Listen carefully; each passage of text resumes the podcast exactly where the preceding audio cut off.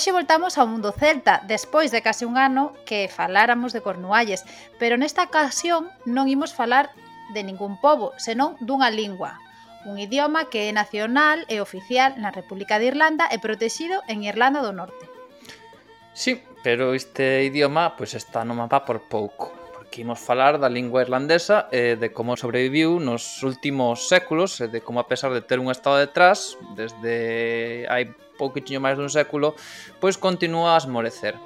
E digo de estado porque sempre se sinala que para recuperar un idioma minorizado pois axuda moitísimo ter un estado propio que o protexe. Pero, como podedes ver, ás veces, ou máis ben como veremos, ás veces isto non é suficiente. Bueno, e hoxe, desgraciadamente, non teremos convidado ou convidada que nos dea pois a súa visión sobre a situación do irlandés. E non será porque non o intentamos, eh? porque contactamos a varias persoas. Pero, bueno, pois cos nosos recursos, as nosas fontes, non foi posible que ninguén atendese ao noso chamado. Así que nada, hoxe escoitaredesnos eh, somente a min e a Juan, que, bueno, unha vez ao ano pois, non, non fai mal. Eh, como sempre, comezamos falando da xeografía. Sí, imos falar de xeografía porque se me poño a criticar os irlandeses por non nos fager causo, pois ainda quedamos mal.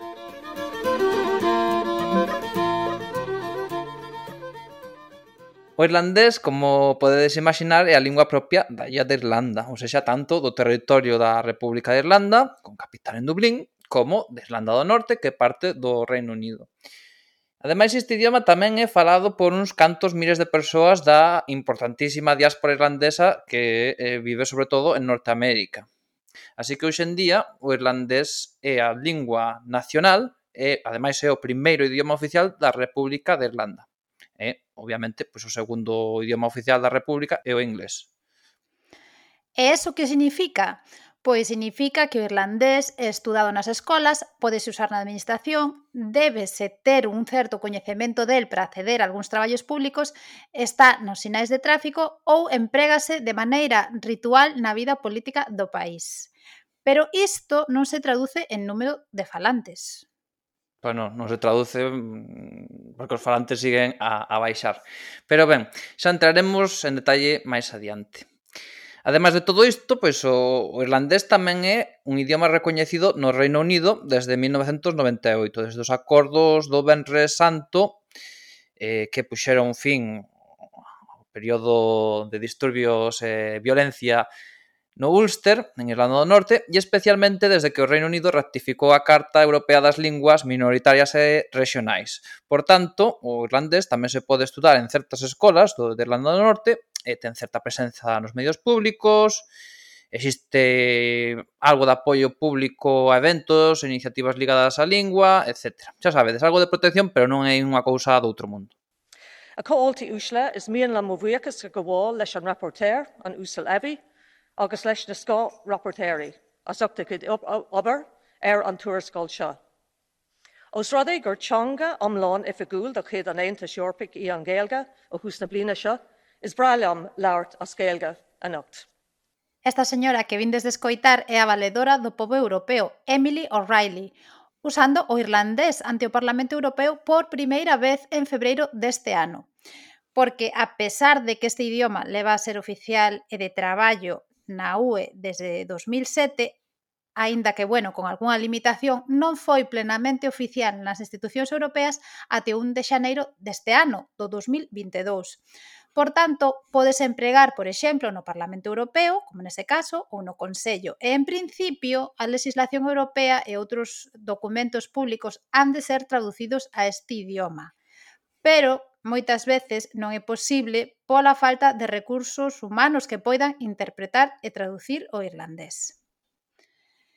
E bueno, Juan, a ver, que din os números sobre o uso do irlandés? Pois non din cousas xeitosas. Segundo o último censo de 2016, na República de Irlanda, hai 74.000 falantes que usan a lingua diario, un 1,5% da poboación da, da República, que é de case 5 millóns de persoas. Distes eh, 74.000 só 20.600 viven nas áreas chamadas Gaeltacht, que son como unha especie de santuarios da, da lingua irlandesa onde se aplican unhas normas especiais e máis ambiciosas que no resto do país para garantir que, que non se perda ese idioma neses territorios, ese idioma que é especialmente falado neses territorios que como así como as zonas reservadas do irlandés. E é flipante que, segundo os últimos dous censos, o de 2011 e 2016, pois os falantes de irlandés caeron nun 11% nesas áreas, que son as máis irlandofonas de, de toda Irlanda. E isto foi só en cinco anos, ou seja, imaginaivos aí a, a barbaridade de xente que, que debeu morrer ou abandonou esa rexión ou abandonou a lingua. E a situación en Irlanda do Norte é aínda pior, porque, segundo a enquisa de 2011 do, do Reino Unido, só hai 4.000 persoas que falen o irlandés a diario. E isto significa, pois, só un 0,2% da poboación de, de Irlanda do Norte. Obviamente, hai bastante máis xente que sabe falar a lingua, pero claro, pois é o de sempre. Onde está o limiar entre saber dicir catro cousas, ter un coñecemento básico ou poder comunicarse con certa soltura? Pois, ademais, xa se sabe que moitas veces un di nas enquisas o que pensa que o enquistador quere escoitar. Eh, de calquera maneira, pois segundo a última enquisa da República de Irlanda de 2016, 1.760.000 persoas din que saben falar o irlandés máis ou menos. Ou sexa, un 40% da poboación da República. En Irlanda do Norte, segundo o Censo Británico de 2011, hai 185.000 persoas que dis que saben falar algo de irlandés que ven sendo un 10% da poboación. Pero bueno, pois habería que ver como falan, porque o mellor só saben pedir unha cervexa e, e decir gracias e pouco máis. Agora que xa máis ou menos sabemos os números de, de, de falantes, pois podemos xa tratar da lingua en sí. Porque o irlandés é unha lingua céltica da subrama das linguas goidélicas, que son basicamente os idiomas que xurden a partir da evolución do gaélico. Uxe existen tres idiomas diferentes que evolucionaron de maneira diferente en cada seu territorio. Estes son o gaélico escocés, que é falado nas Highlands e nas Illas Hébridas por uns 60.000 falantes, o Manx, que é falado na Illa de Man por uns cantos centos de persoas, e estivo aí medio dormido, pero foi capaz de despertar, e ademais eh, está tamén o gaélico irlandés, que, que imos tratar no podcast. Ademais das linguas célticas goidélicas, tamén hai as linguas célticas da súa rama britónica, que son o galés, o bretón en Francia e o córnico da que xa falamos hai un ano. Todos estes idiomas teñen un certo recoñecemento e protección a nivel regional, obviamente quitando o bretón, como era de esperar, porque xa sabemos que, que Francia, pois, os idiomas regionais non, non, non é o seu. Non, Francia non, non, non lle presta moitos idiomas regionais. E ademais, pois no caso do irlandés, pois é o único idioma, por agora, o único idioma nacional e oficial dun Estado enteiro. Se cadra no futuro, se hai un referéndum en unha independencia escocesa, pois se cadra, pois o gaélico escocés podería obter ese mesmo estatus. Pero bueno, xa veremos. De que alá E ben, agora que xa sabemos un pouco o que é o irlandés e quen o fala, podemos describir un pouco a historia da illa, que é ben interesante é que dalgunha maneira inspirou a moitos galegos especialmente a finais do século XIX e principios do XX. Poderíamos decir que a historia oficial irlandesa estándar divide os períodos históricos da illa en tres. Primeiro é a era da liberdade céltica, que son así super épico, despois está a era da dominación estranxeira, E, por último, a era da liberación nacional na que aínda estamos hoxendía porque esta non se consumou completamente xa que Irlanda do Norte segue a estar dominada por un estado estranxeiro. Pois ben, a primeira era, a da liberdade céltica, esténdese desde o comezo dos tempos, digamos, chamamos así, até o século XII. A Irlanda antiga, pois, debía ser así como un, un poema de Pondal os druidas, os bardos, os feros azoutos, eranzais guerreiros que loitaban cun rouco bruar baixo a chuvia e o fungar dos antergos carballos das nobres fillas de Iz, ou algo así. Non sei, ese sería tanta flipación, pero bueno. Irlanda a comezos da Idade Media era un territorio bastante singular porque, por un lado, era unha periferia absoluta e allea a moitas cousas que pasaban en Europa, mas, por outro lado, conectada a esta polo comercio, cun cristianismo e unha igrexa ben asentados, unha chea de centros monásticos e cunha tradición literaria bastante potente ligada á igrexa, que podemos considerar a primeira literatura da Europa Occidental en lingua vernácula. Por exemplo, do século VIII é o libro de Armagh, un manuscrito cunha serie de textos relixiosos tanto en latín como en irlandés medieval. Nesta era, a illa estaba dividida en clans e líderes ou príncipes que dominaban basicamente pois, comarcas da illa. E logo había reis supremos que, segundo a tradición, formaba unha liña dinástica de séculos e séculos, dos cales, pois, boa parte teñen máis de, de lenda que de realidade histórica. O certo é que estes reis supremos, xa a partir do século IX, pois tiñan unha autoridade moi moi limitada sobre o conxunto da illa. Mais ou menos tiña algo así como algo de, de prestixio extra. Recibirían tributo ou respecto por parte destes príncipes de cada bisbarra ou mini reino, se queres chamar así, e, e pouco máis, porque estes príncipes eran prácticamente reis destes mini reinos pro caso independentes.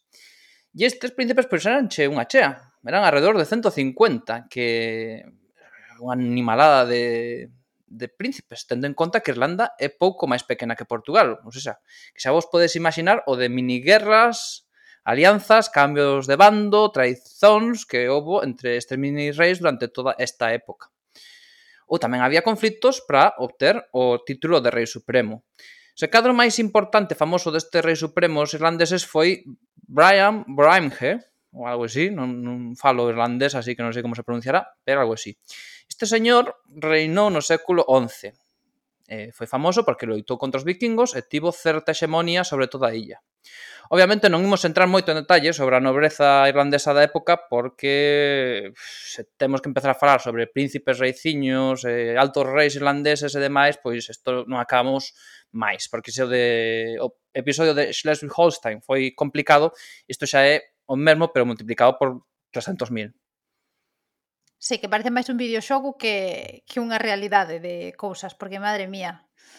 Bueno, xa que mencionamos antes aos vikingos, pois está ben sinalar que estes asaltaron as costas da illa moitas veces a partir do século IX e instaláronse en certas zonas costeiras fundando asentamentos como Dublín, Cork ou Limerick.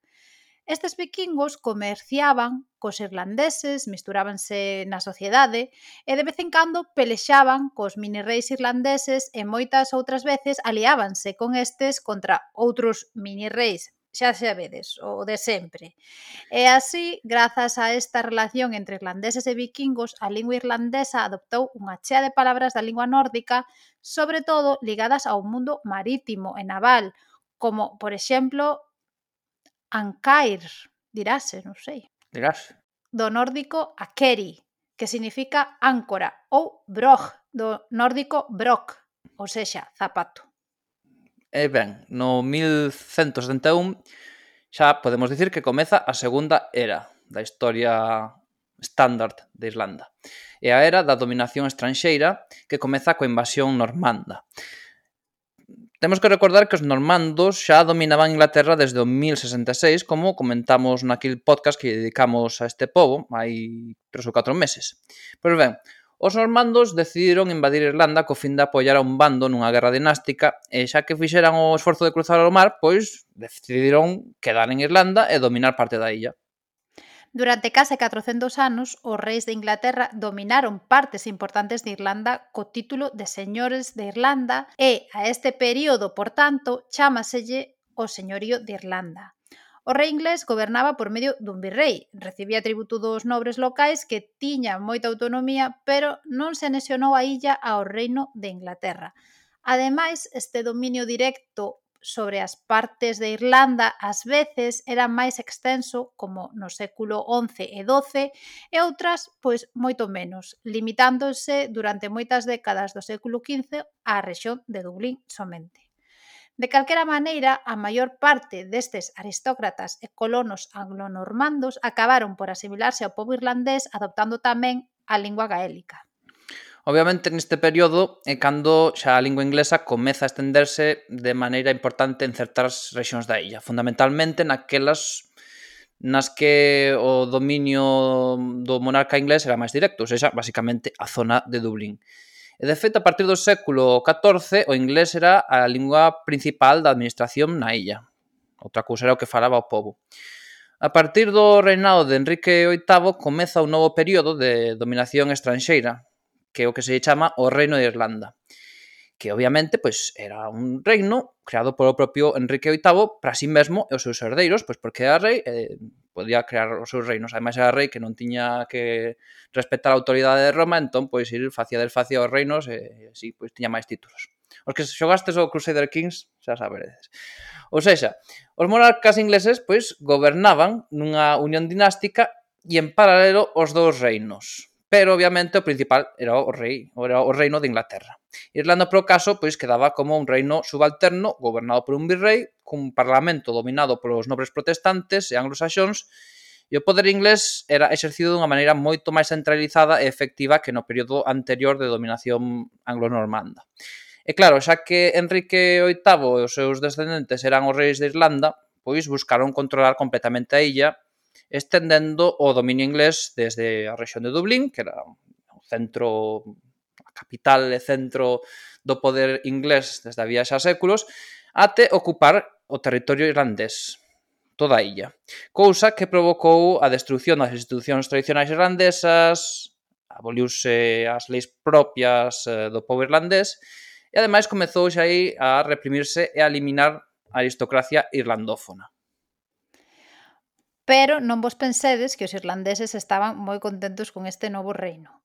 Moitos resistiron á progresiva conquista inglesa dos diferentes condados irlandeses, houbo varias rebelións esmagadas polos exércitos ingleses e a conquista total da illa só rematou ao comezo do século XVII. E claro, Esa conquista conlevou a confiscación das terras aos nobres e plebeos rebeldes, a colonización por parte de terratenentes e nobres protestantes, a explotación dos recursos da illa, pois basicamente como se fose unha colonia británica, e tamén a imposición da Igrexa protestante e a represión da Igrexa católica, a da gran maioría dos irlandeses. Esta represión foi especialmente brutal durante o goberno do famoso e moi odiado Oliver Cromwell, que lideraba a Mancomunidade de Inglaterra, Escocia e Irlanda durante o período republicano. Nesta época, as forzas de Cromwell esmagaron aos rebeldes irlandeses e reprimiron con moitísima dureza a Igrexa Católica, confiscando terras e executando unha chea de rebeldes. Sí, de feito, segundo algunhas teorías, esta violencia, represión e confiscación de terras está na orixe dos travelers irlandeses, que son un pobo nómada, autóctono e cunha cultura e sociolecto propio e non teñen relación cos xitanos. Moitos pensan que sí, pero non. Estes son completamente locais. Poderían compararse así como cos quincalleiros ou moinantes en Galicia. E estes nómadas irlandeses tamén crearon e crean arte, tanto na súa lingua, que se chama xelta, como en irlandés. Por exemplo, esta canción, Anash Quine.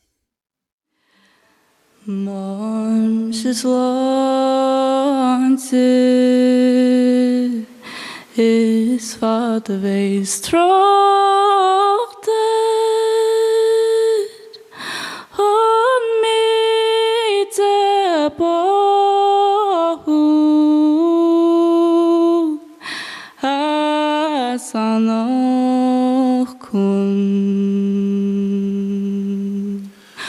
我说。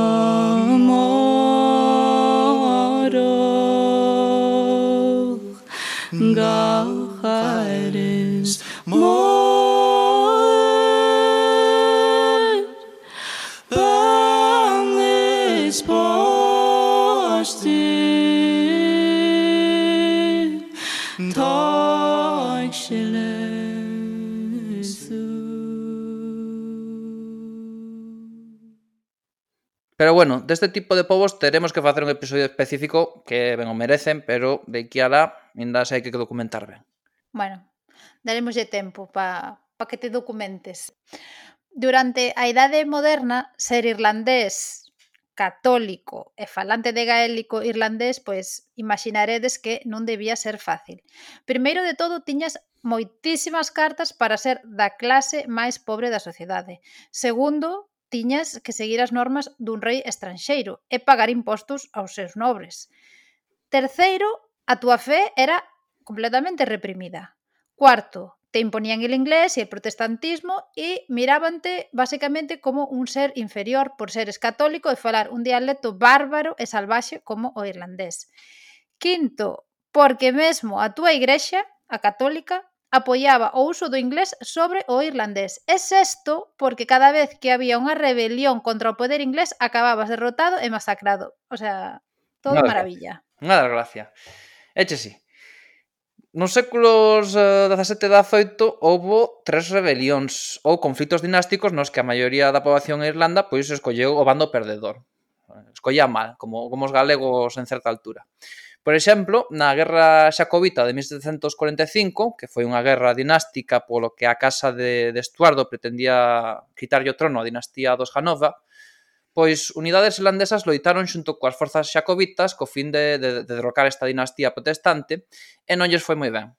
Pero ainda así, hai que recoñecer que esa guerra pois inspirou moitos temas musicais ben xeitosos como este que se chama Mohile Mer, que significa algo como me vuelve galante.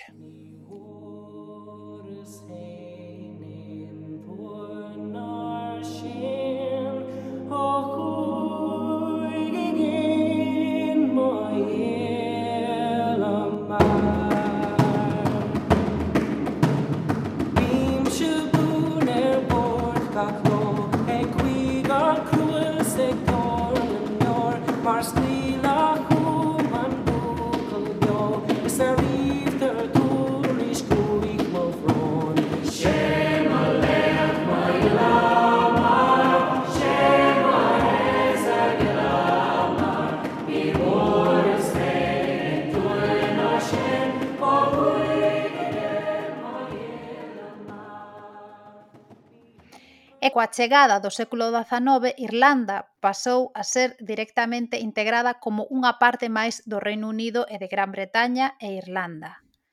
A illa pasou a ser gobernada directamente desde Londres e perdía o seu parlamento, aínda que, bueno, como dixemos, este era dominado polos protestantes anglosaxóns, así que tampouco é que mudase a situación gran cousa.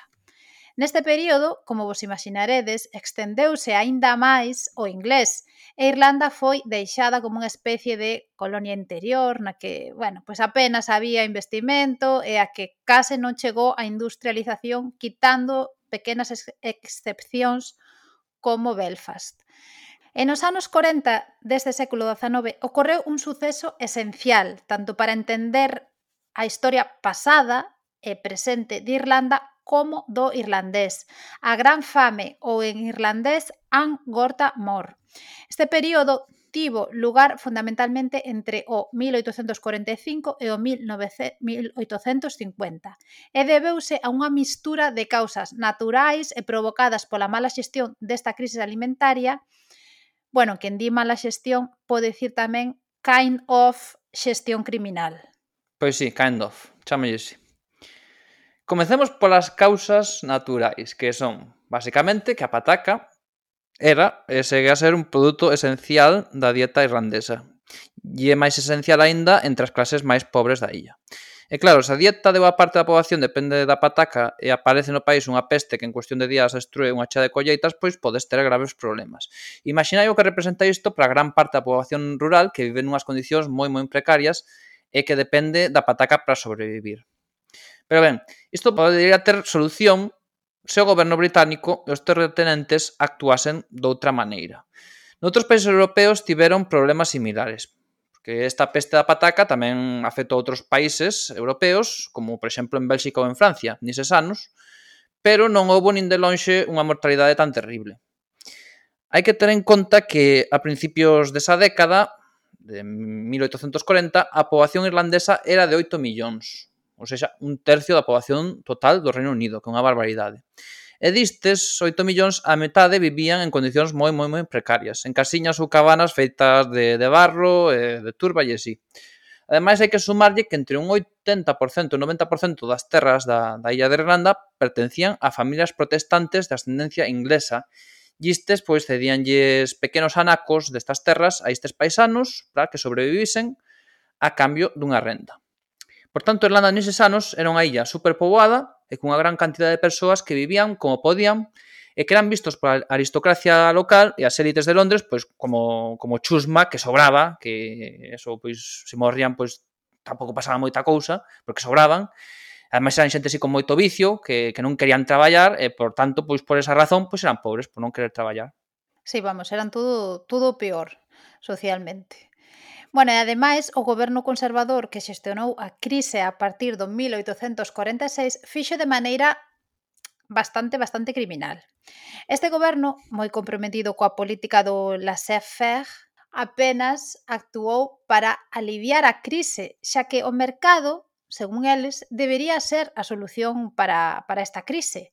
De feito, durante esta fame, Irlanda seguiu a exportar comida como carne e a importar cereais para o consumo animal. E ademais, estes stories defendían a idea de que o diñeiro británico pois non debería ser usado para solucionar este tipo de problemas en Irlanda.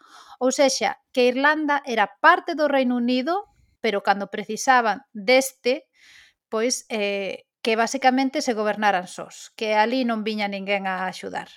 De feito, hai certos historiadores que sinalan que detrás desta inacción houbo unha intención criminal ou sociocida, digamos. Non xenocida, obviamente, porque non se intentou acabar co povo irlandés en conxunto, pero sí que, por exemplo, como se ve en algún documental, en algún libro, os membros do Parlamento e o Goberno sinalaban como esta fame ia ser, pois, pois, unha depuru, depu, depuración para o país irlandés e así poñelo a andar ao desfacerse da clase máis baixa que era vista, pois eso, como unha especie de parásitos sen ansia.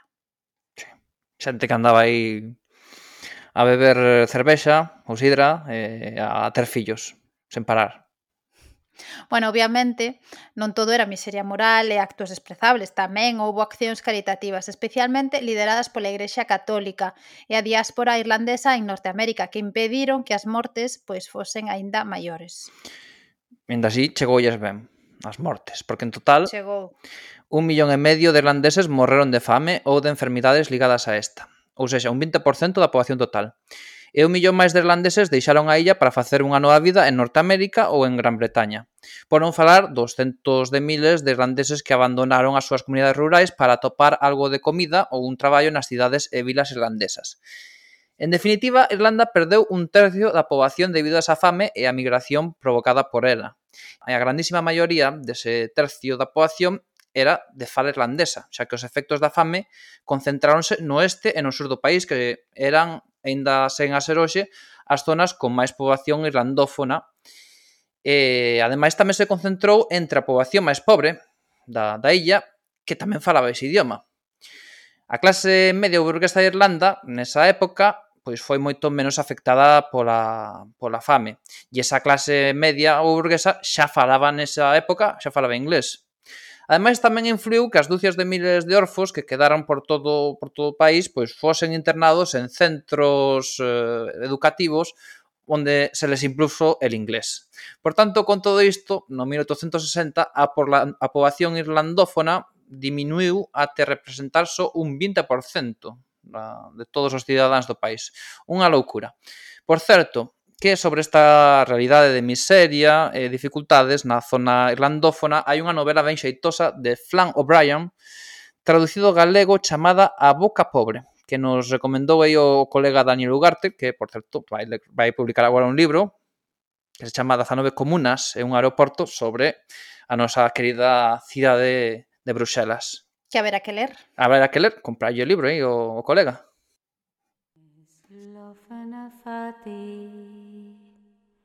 Is an small duar ho is our nini cresok la thale hokras is ni father mi bio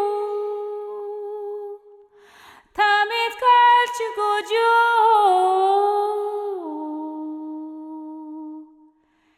is Fin vård de vem winchor we. A canción que acabades de escoitar é unha canción popular pois nacida a raíz dese desgarro non pola, pola traxedia vivida no país. E por certo, que no Reino Unido, en xeral, polo que teño visto eu en comentarios e lido, non é moi coñecido ese episodio da historia irlandesa. É coñecido, pero non na magnitude no que ocorreu. Como podedes imaginar, pois esta fame timo consecuencias, eh, levou ou creou traxedias a nivel persoal e social, a destrucción de comunidades enteiras e tamén a acción do goberno de Londres e dos terratenentes pois marcaron claramente o espírito da poboación irlandesa.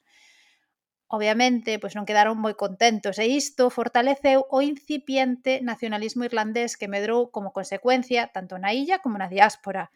Así comezaron a xurdir unha serie de organizacións patrióticas de todo tipo, pois culturais, lingüísticas, deportivas, iniciativas xornalísticas, polo estudio da historia, etc.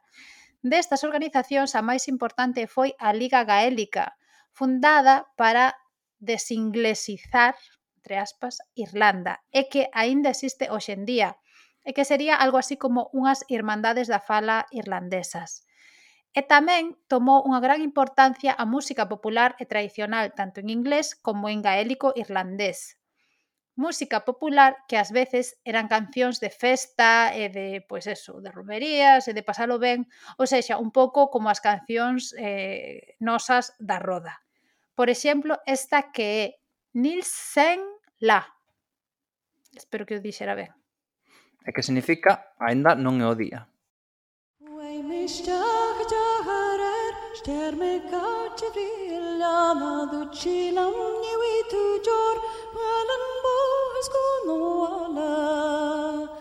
Nilshin la na na la, nilshin li na na wa, nilshin la na na la, solace surf a sea,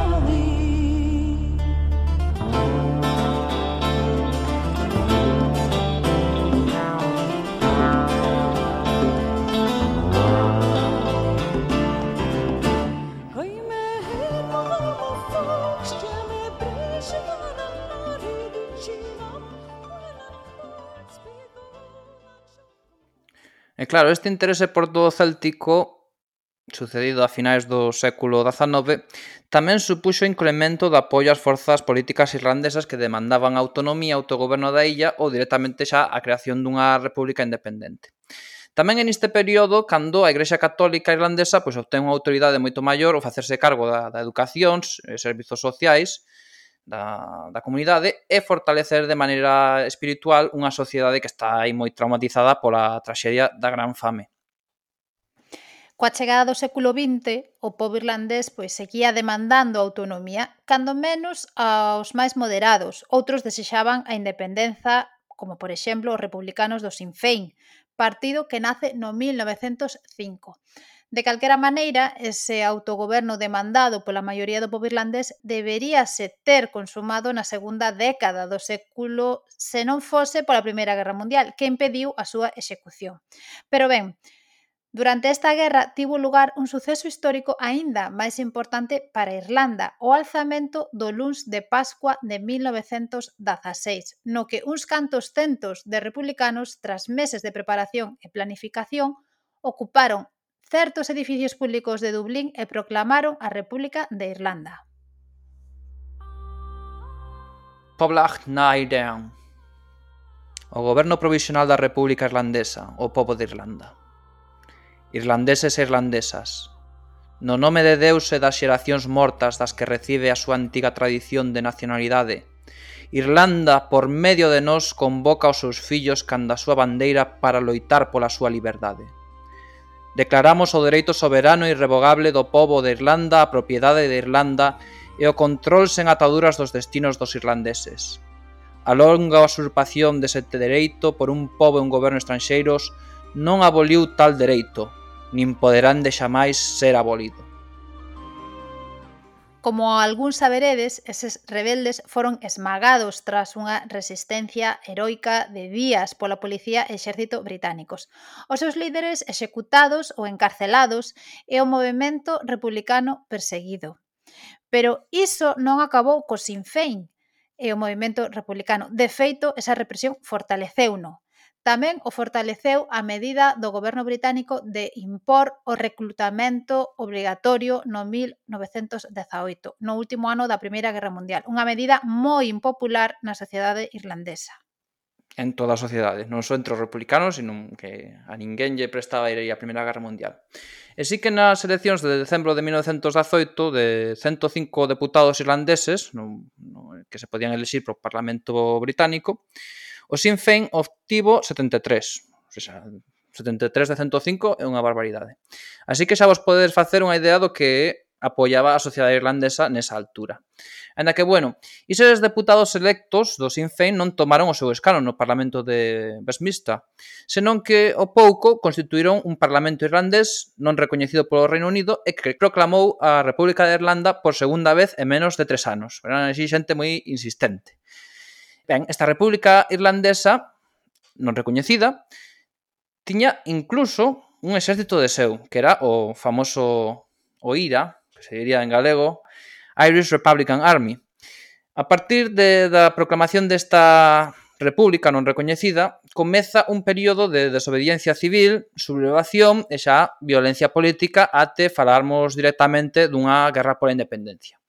Esta guerra foi unha guerra asimétrica, na que oira basicamente unha guerrilla de voluntarios, moi afoutos, pero voluntarios, loitou durante dous anos e pico contra as unidades do exército británico, milicias unionistas e paramilitares bastante sanguinarios ao servicio de Londres, como eran os Black Antans. Como poderedes imaginar, pois esta guerra tamén foi bastante dramática para o povo irlandés, cunha chea de matanzas, represión e violencia política sectaria. E como os irlandeses pois son un pobo de artistas, compuxeron unha chea de cancións sobre os soldados republicanos. Como, por exemplo, esta que se chama Oro se do Beaza Baile.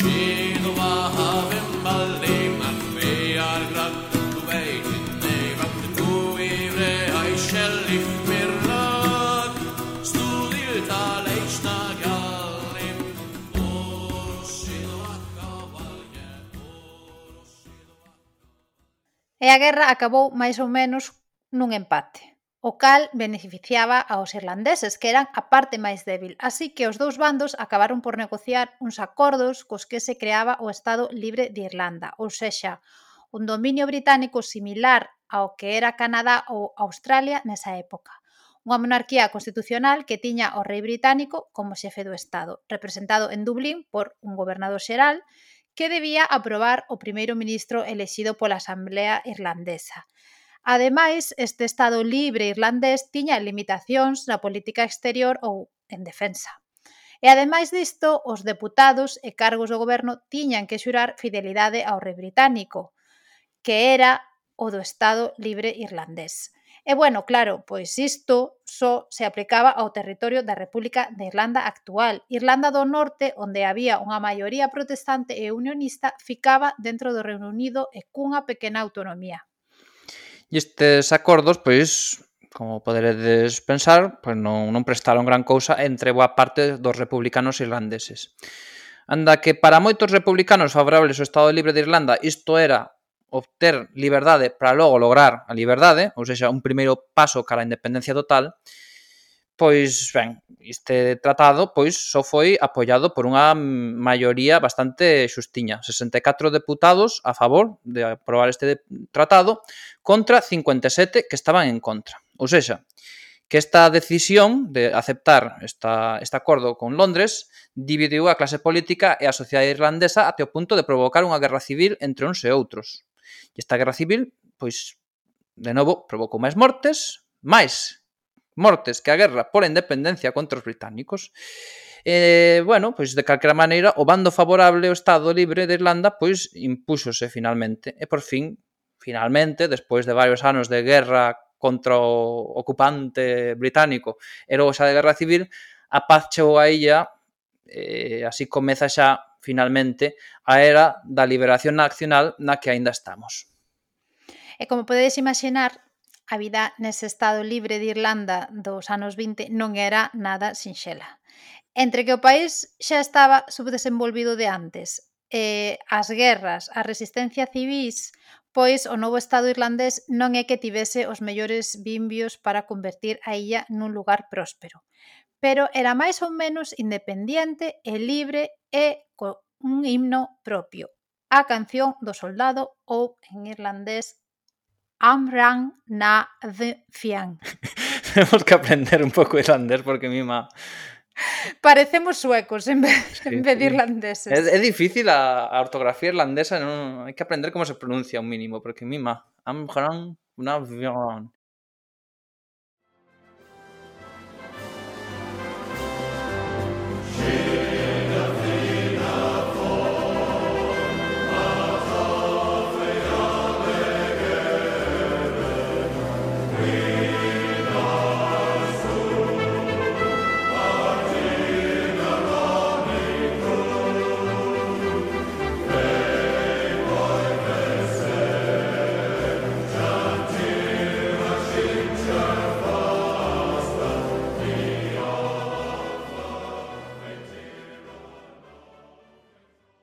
E ben, con respecto ao idioma irlandés, este novo Estado Libre de Irlanda, pois tampouco que solucionase aí os problemas cos que viña o a lingua xa de, desde o século anterior. O idioma xa estaba moi tocado. E nos anos 20 só era a lingua materna dun 15% da poboación e apenas había monolingües en irlandés. E ademais, pois, como pasa neste tipo de situacións, a diglosia era o habitual. Ainda así, o novo Estado Libre de Irlanda estableceu o inglés como o idioma da administración ou a xustiza, O sea que tampouco cambiaron aí o statu quo. Iso sí, o irlandés era recoñecido, tería aí unha pequena protección e función ritual para certas ceremonias políticas e ademais debía ser especialmente protexido, en teoría, nas Gaeltacht, que son estes territorios que aínda mantiñan unha forte presenza da fala irlandesa, unha maioría da poboación que ainda falaba irlandés ali, que son áreas sobre todo no oeste e norte da, da República. Pero ben, Iso, ao final, non se fixo de maneira estricta, senón que se implementou unha política de normalización lingüística de moi baixa intensidade na illa. Por exemplo, demandábase o coñecemento do irlandés para traballar como un funcionario do Estado, pero o nivel demandado era tan baixiño e o seu uso no día a día tan limitado que, pro caso, era como non pedir nada. Ou sexa, que ao final era esencial falar ben inglés para traballar pro Estado, que era o principal empregador. E se querías tratar cun funcionario, pois tiñas que cambiar ao inglés se querías solucionar algún tema. E no relativo ao ensino, pois tres cuartos do mesmo. Pasaba exactamente unha cousa similar. Unha materia obrigatoria na maioría dos casos. A verdade é que a nós, os galegos, pois, pode nos parecer algo absurdo ou incoherente. En parte sí que o é, pero tamén hai que entender que no século XX xa había unha chea de irlandeses, moi irlandeses e mucho irlandeses que non falaban a lingua nacional e que falar irlandés con xeito non era un elemento esencial nin do republicanismo irlandés nin da identidade da nación. Obviamente era algo importante que había que salvagardar e promover, pero a sociedade mudara tanto en 100 ou 150 anos que non era fácil executar políticas que mudasen radicalmente as tendencias e o statu quo en cuestión de anos. E como se convertiu o Estado Libre de Irlanda na República de Irlanda a secas? Preguntaredes vos. Pois os poucos. No ano 36, aproveitando unha crise dinástica no Reino Unido, os, rei, os líderes irlandeses, sobre todo de Valera, pois eliminaron o xuramento de fidelidade ao rei británico e aprobaron unha lei para reafirmar a soberanía irlandesa sobre as políticas externas, que até ese momento estaban condicionadas polo Reino Unido. No 1937, a Constitución do Estado Libre de Irlanda foi reformada e o Estado pois pasaría xa a chamarse Eire. E ademais eliminábase o gobernador xeneral que era esa figura mm, establecida ali por parte de Londres, e sustituíase por un presidente de Eire E, ademais, a figura do monarca británico era limitado a un rol xa residual ou puramente teórico, xa que mm, Eire mantíñase dentro da Commonwealth, pero era a única, figu- única o único rol que tiña o rei británico nese momento. E no 1949, pois, o Parlamento irlandés xa aprobou unha nova lei sobre a República de Irlanda que establecía este sistema en nome oficial pro país, dándolle poderes ao presidente da República, que sería o novo xefe de Estado, E, ademais, pois retiraba aí xa a Irlanda da Commonwealth, e xa o rei británico xa non tiña rol ningún na, na política nin nada, non tiña nada que ver con Irlanda. Quedaba aí xa completamente abandonado. E sí que logo de 33 anos, pois, consumábase esa liberdade para lograr a liberdade. E Irlanda, quitando Irlanda do Norte, lograba a súa independencia completa.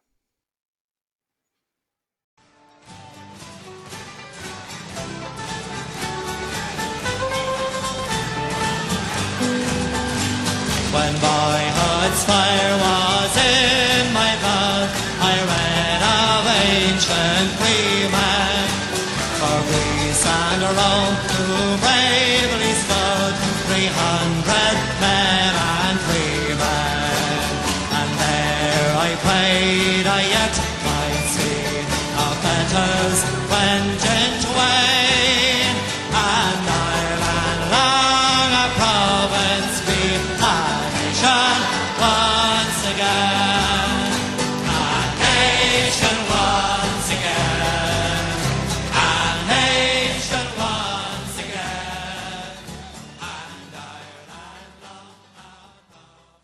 E a partir de aí, pois o que xa a gran maioría sabedes. Problemas no Ulster, terrorismo do IRA, represión, paramilitares e a división e violencia sectarias no norte, entrada na UE cando o Reino Unido, que o Reino Unido pois obviamente bueno. xa non está, desenvolvemento económico brutal nos 90 e 2000, acordos de paz no Ulster no 98, sete vitorias en Eurovisión, aí es nada. Sí, sí, sí, moi ben eh, bueno, crise financiera e rescate no 2010, así resumidito o, o últimos anos de Irlanda. Bueno, tampouco hai que centrarse demasiado, pero sí. O máis importante son as sete victorias en Eurovisión, que é flipante. Iba che dicir, iba che dicir que son moitas, eh? Había que mirar tamén cantas victorias no, no rugby, no, no Six Nations ou cantas Nations son? Five? son Six, creo. Six Nation, que eu tamén de rugby ando un poquito... Somos uns ignorantes. Bueno, en todas estas décadas a situación do irlandés non é que mellorase gran cousa. Non, non mellorou. A día de hoxe non hai falantes monolingües de irlandés. Ningún, cero. Ni siquiera se si os buscades aí nunha cova perdida nunha galta e estopar monolingües en irlandés. O último foi Sean o Henry, o Henry que era un pescador e ademais era un rapsoda eh, irlandés que morreu no ano 1998. E eh, por certo que hai un pequeno documental sobre el, eh, no que podedes escoitar aí falando en, en irlandés e contando contos en irlandés que, bueno, os que saibades irlandés, pois seguro que disfrutades da, dos seus contos, e os que non, pois, bueno, disfrutades aí dun señor falando un idioma que a nos, pois, parecenos moi interesante. Ademais, o tipo, pois, era unha especie como de de Homero, eh, porque ou destes istes rapsodas que había nos Balcáns que podían aí recitarche toda aí a historia da batalla de Kosovo durante dúas horas, pois isto era igual, pero cas historias estas dos afoutos e feros guerreiros dos fillos de Brogan e tal e cual. nasha le linja hogi yari nasha shajana ro de gusra de vi vi vi vi hanik to hanat yakhta shahan shan pen yar hanik hanik ma glor ko sa gash dor hi ni sin shani yad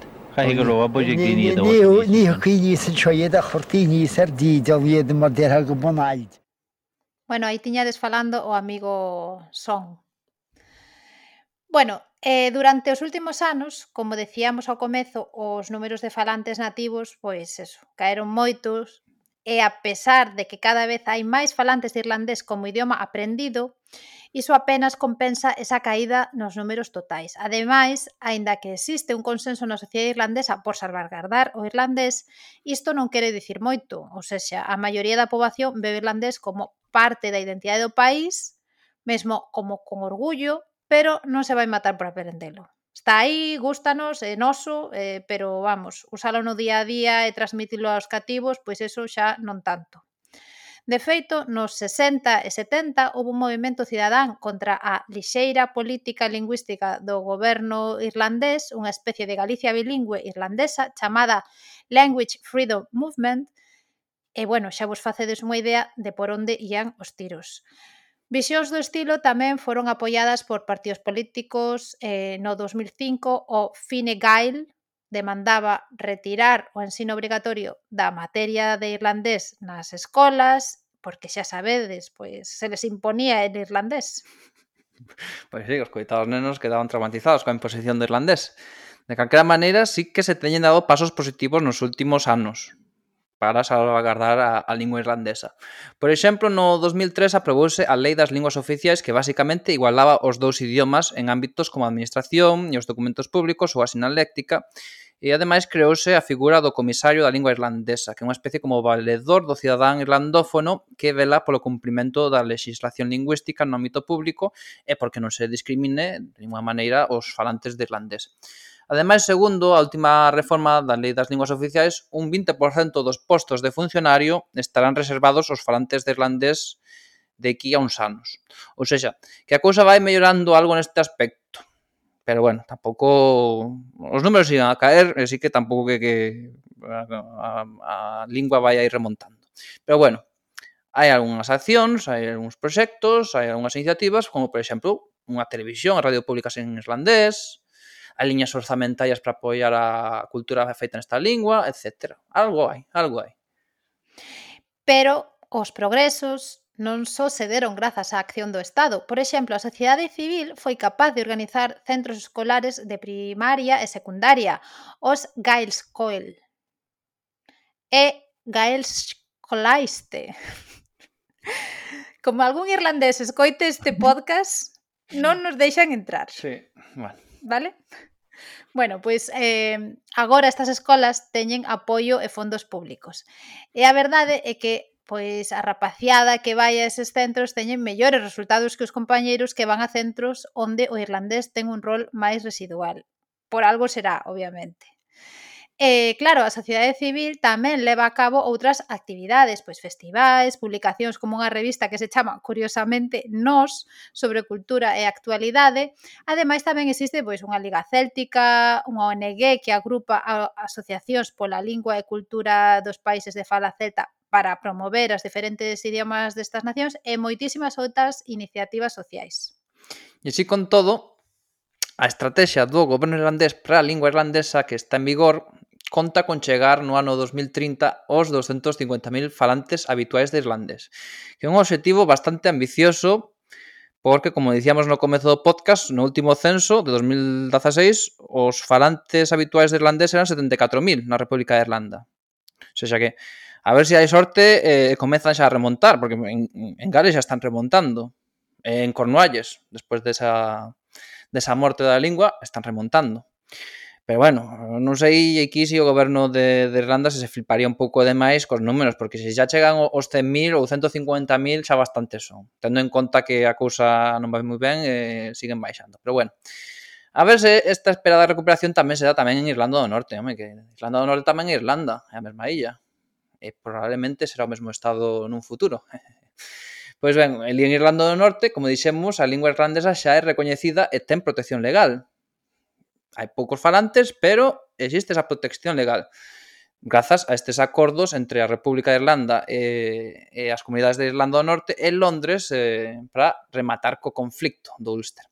Esta nova legislación aprobada pois suporá que se poder, que se poderá eh, usar na, na Asamblea de Irlanda do Norte o irlandés, non sei xa que, moi bien, haberá que contratar intérpretes e traductores, ou tamén se poderá falar irlandés eh, nos xulgados do, do Ulster. Pero ben, esta legislación recentemente aprobada, eh, que xurde destes acordos para rematar co, coa violencia do, dos anos 70, 70, eh, 80, pois inda está por executar. Sei que ao final se executa, porque como ben sabemos, as cousas en Irlanda do Norte pois con pouco xa van pro, pro carallo, é che si. Eh, a mínima é un pouco de violencia sectaria, venche un Brexit ou así, eh, ala. O que acordamos, pois queda en nada. Pero bueno, temos que ter en conta tamén que a maioría de falantes de irlandés presentes e seguramente futuros non van falar o irlandés tradicional, senón unha forma nova, que é unha especie como de neoirlandés moi influenciado pola fonética, prosodia léxico e gramática do, do, do inglés. Porque, porque esta maioría de falantes do irlandés que existen agora e que existirán no futuro, tendo en conta os números, pois eh, serán persoas que adquirisen o irlandés na escola ou por medio do, de pais que aprenderon o irlandés na escola tamén. Son neofalantes de, de irlandés, poderíase dicir e acaban por, acabarán, por tanto, por adoptar esta forma diferente da, da, da tradicional do irlandés. É un pouco que pasa pois a moitos neofalantes de galego, que pois non teñen esa fonética, eh, prosodia e moitas veces léxico propio do galego tradicional. E por outra banda, pois é obvio que sendo que o irlandés sendo un idioma minorizado, pois é obvio que o pouco vai perdendo léxico tanto entre neofalantes como falantes tradicionais de toda a vida, porque sufre aí a presión abafante do léxico inglés. E ademais esa variedade de neoirlandés, ao ser usada por certo tipo de xente, como artistas ou xornalistas, é a máis usada nos medios e a máis divulgada polo que acaba por ser un modelo para moitos falantes. Un modelo que aos falantes tradicionais non lles gusta demasiado, pero isto seguro que vos sona, non é? Porque ten así algunha similitude. Sí, el gallego de la, del telexornal. Eso. Bueno, ben, estes falantes irlandeses de toda a vida poden sentir que o que estes neofalantes usan non é un irlandés lexítimo de verdade. Pois eso, o que dicíamos antes.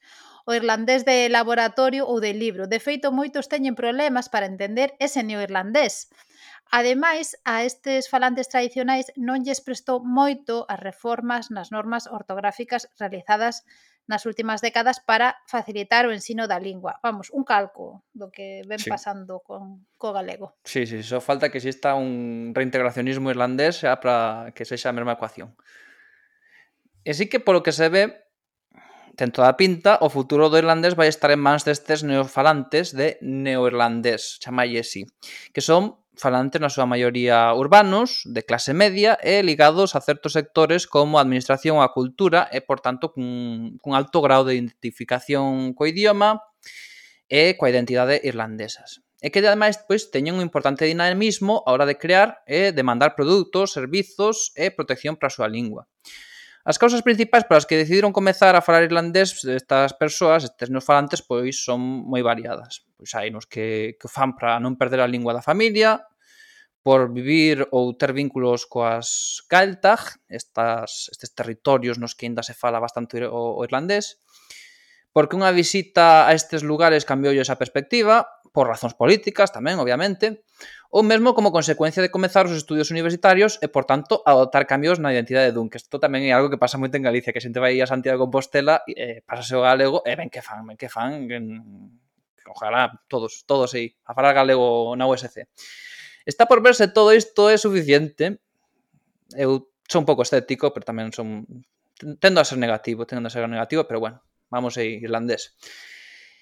Está por verse suficiente e se esas neofalantes pois serán capaces de cambiar as tendencias negativas ou de recuperar a transmisión interxeneracional que é algo, pois, como imaginaredes, pois, é esencial para a supervivencia de calquera lingua. Se a xente non ten fillos ou se non lles ensina a lingua aos fillos, pois ao final a lingua ten todas as papeletas de morrer.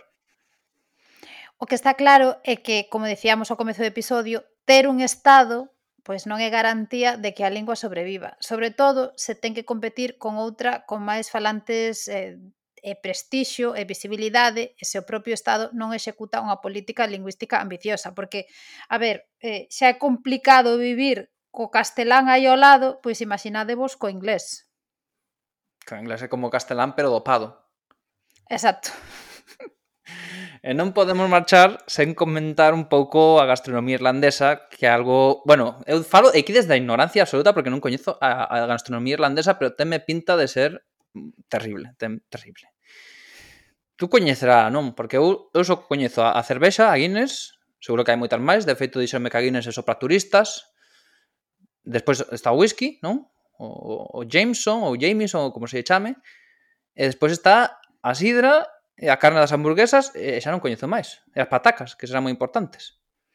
Pois eso da Guinness para turistas non escoitara eu, eh? É meu que me dixeron. Eu, eu sempre pensei que os irlandeses están están moi orgullosos da súa Guinness. De feito, que ver, unha chorrada, pero hai unha conta de, de Instagram de para criticar o mal que votan a Guinness nos pubs eh, de Londres sea, é unha conta só para iso. Os irlandeses criticando aos ingleses por porque porque a votan fatal. Ah, que os, os, os irlandeses gustalle criticar aos ingleses. Home, claro. É un deporte nacional. Pero pois eu tampouco creas que coñezo, algo máis coñezo, o sea, eu o que máis coñezo é a Guinness, despois hai un pan que se chama o soda bread, que é como un pan de soda, que é como o noso pan de millo, unha cousa así. O sea, eles come, teñen ali na casa e, e pois tomano con pois co que lle cadra ou con nada, como, bueno, eu na miña casa o pan de millo pois está ali, colles un, un cacho ou, ou cómelo eh, con, eu que sei, con un pouco de queixo ou con membrillo, pois o este soda bread é o mesmo. Pero, o, bueno, aquí Como se lle bota, bota... soda? Como se lle bota soda eso? Pois é con é con bicarbonato, faise con bicarbonato. Eu non entendo. Sódico. Eu non entendo. Por iso chama soda é un pan bastante amargo, o sea, se o probas non está malo, a min gustame, pero é, é un pouco así amargo. Bueno, pois pues para ti. Pero non, non está mal. A min o pan gustame todo. Este pois pues, proveino tamén porque venden no súper e tal. Eh, bueno, aquí tómano moito pois pues, como imaginaredes con manteiga. Eh, e despois, pois, pues, obviamente, a pataca eh, pois o alimento nacional casi, pois sopas de pataca, guisos de carne con pataca, moita pataca, como a nós. E o que sí que hai, hai un prato que é curioso, que se asemella moito ao noso lacón con grelos, pero pero é malo, o sea, asemellase visualmente, pero non ten, bueno, algo ten que ver. Chámase bacon and cabbage, que basicamente é panceta cocida cortada así en tiras finiñas e repolo cocido. E botaranlle unha salsiña, digo eu, porque senón eso ten que estar. E, e nada máis, sei, de doces controlo pouco, pero bueno, pois eh, a tarta de mazá tomarán, esa sí que sí que sei que bueno. é típica, pois se teñen mazáns, tarta de mazá. Tarta de mazán, na naiquilla lá, non Por nada eso. especial. Pero sí que sí que había moitas veces por aí en plan, sobre todo no San Patrick's Day, que bueno. típico postre para tal, a tarta de mazá. E bueno, obviamente pois pues, teñen moluscos, ostras, mexilóns eh, e, e estas cositas. Un pouco máis. Bueno, porque teñen mar. Pero se si logo non claro. saben cociñar nin nada... Bueno, pero eh, eu creo que ah, ostras, bueno, é que as ostras ahora comense en todas partes. O sea, esta moda das ostras que uh, eu non as comín nin penso. Todas pretas. Pero... A única vez que a comín, boté despois un día inteiro a esgomitar que toupei. Xa. Pois eu xa non quero non quero arriscarme a iso, así que paso de comer ostras. Fuck me, ni jag kom in a bastardy. Cardu en a walla gar a molla is a tvsti Chancer B, go hishin ma walla MD Murder culture knock the snail foster riven RUC It's gone down, to mitcha or beach Like all she so the sneeze A rich so reach just sneeze Stop me mega mudgy murna suffer am she says for my mala more cat And none of Neil my keys Tuig fucking Essak London Sean a fucking joke. Tell me a Gary Para pechar temos hip hop en irlandés, o hip hop de dos rapacitos que se chaman Nick Knickup. E a canción chamase Cearta ou Ciarta ou algo así, é un acrónimo, non sei o que significa, non temos nin idea, pero bueno, a canción é hip hop, os chavalitos fano ben, e, e atendes. Bah, non está mal a canción. A ver, unha cosa así diferente. Nah, min... Vamos cambiando, vamos ofrecendo diferentes tipos de música. Nah, eh? Non hip hop, no... Bueno. Bah, non é o meu estilo de música, pero bueno, hai cousas que escoitas e dis, bueno, podo pasar, pode pasar. Respecto. Bueno, como sempre, lembramos vos que nos podedes contactar nas nosas redes sociais en Twitter, Facebook e Instagram e no noso email forademapapodcast.gmail.com E ademais tamén podes seguirnos no Goodreads pros libriños, que temos aí unha chadiles para documentarnos, ou en Spotify, que é onde temos unha lista coas diferentes músicas que utilizamos no programa neste, pois meteremos bastantes porque eh, aquí puxemos unha chea de, de músicas.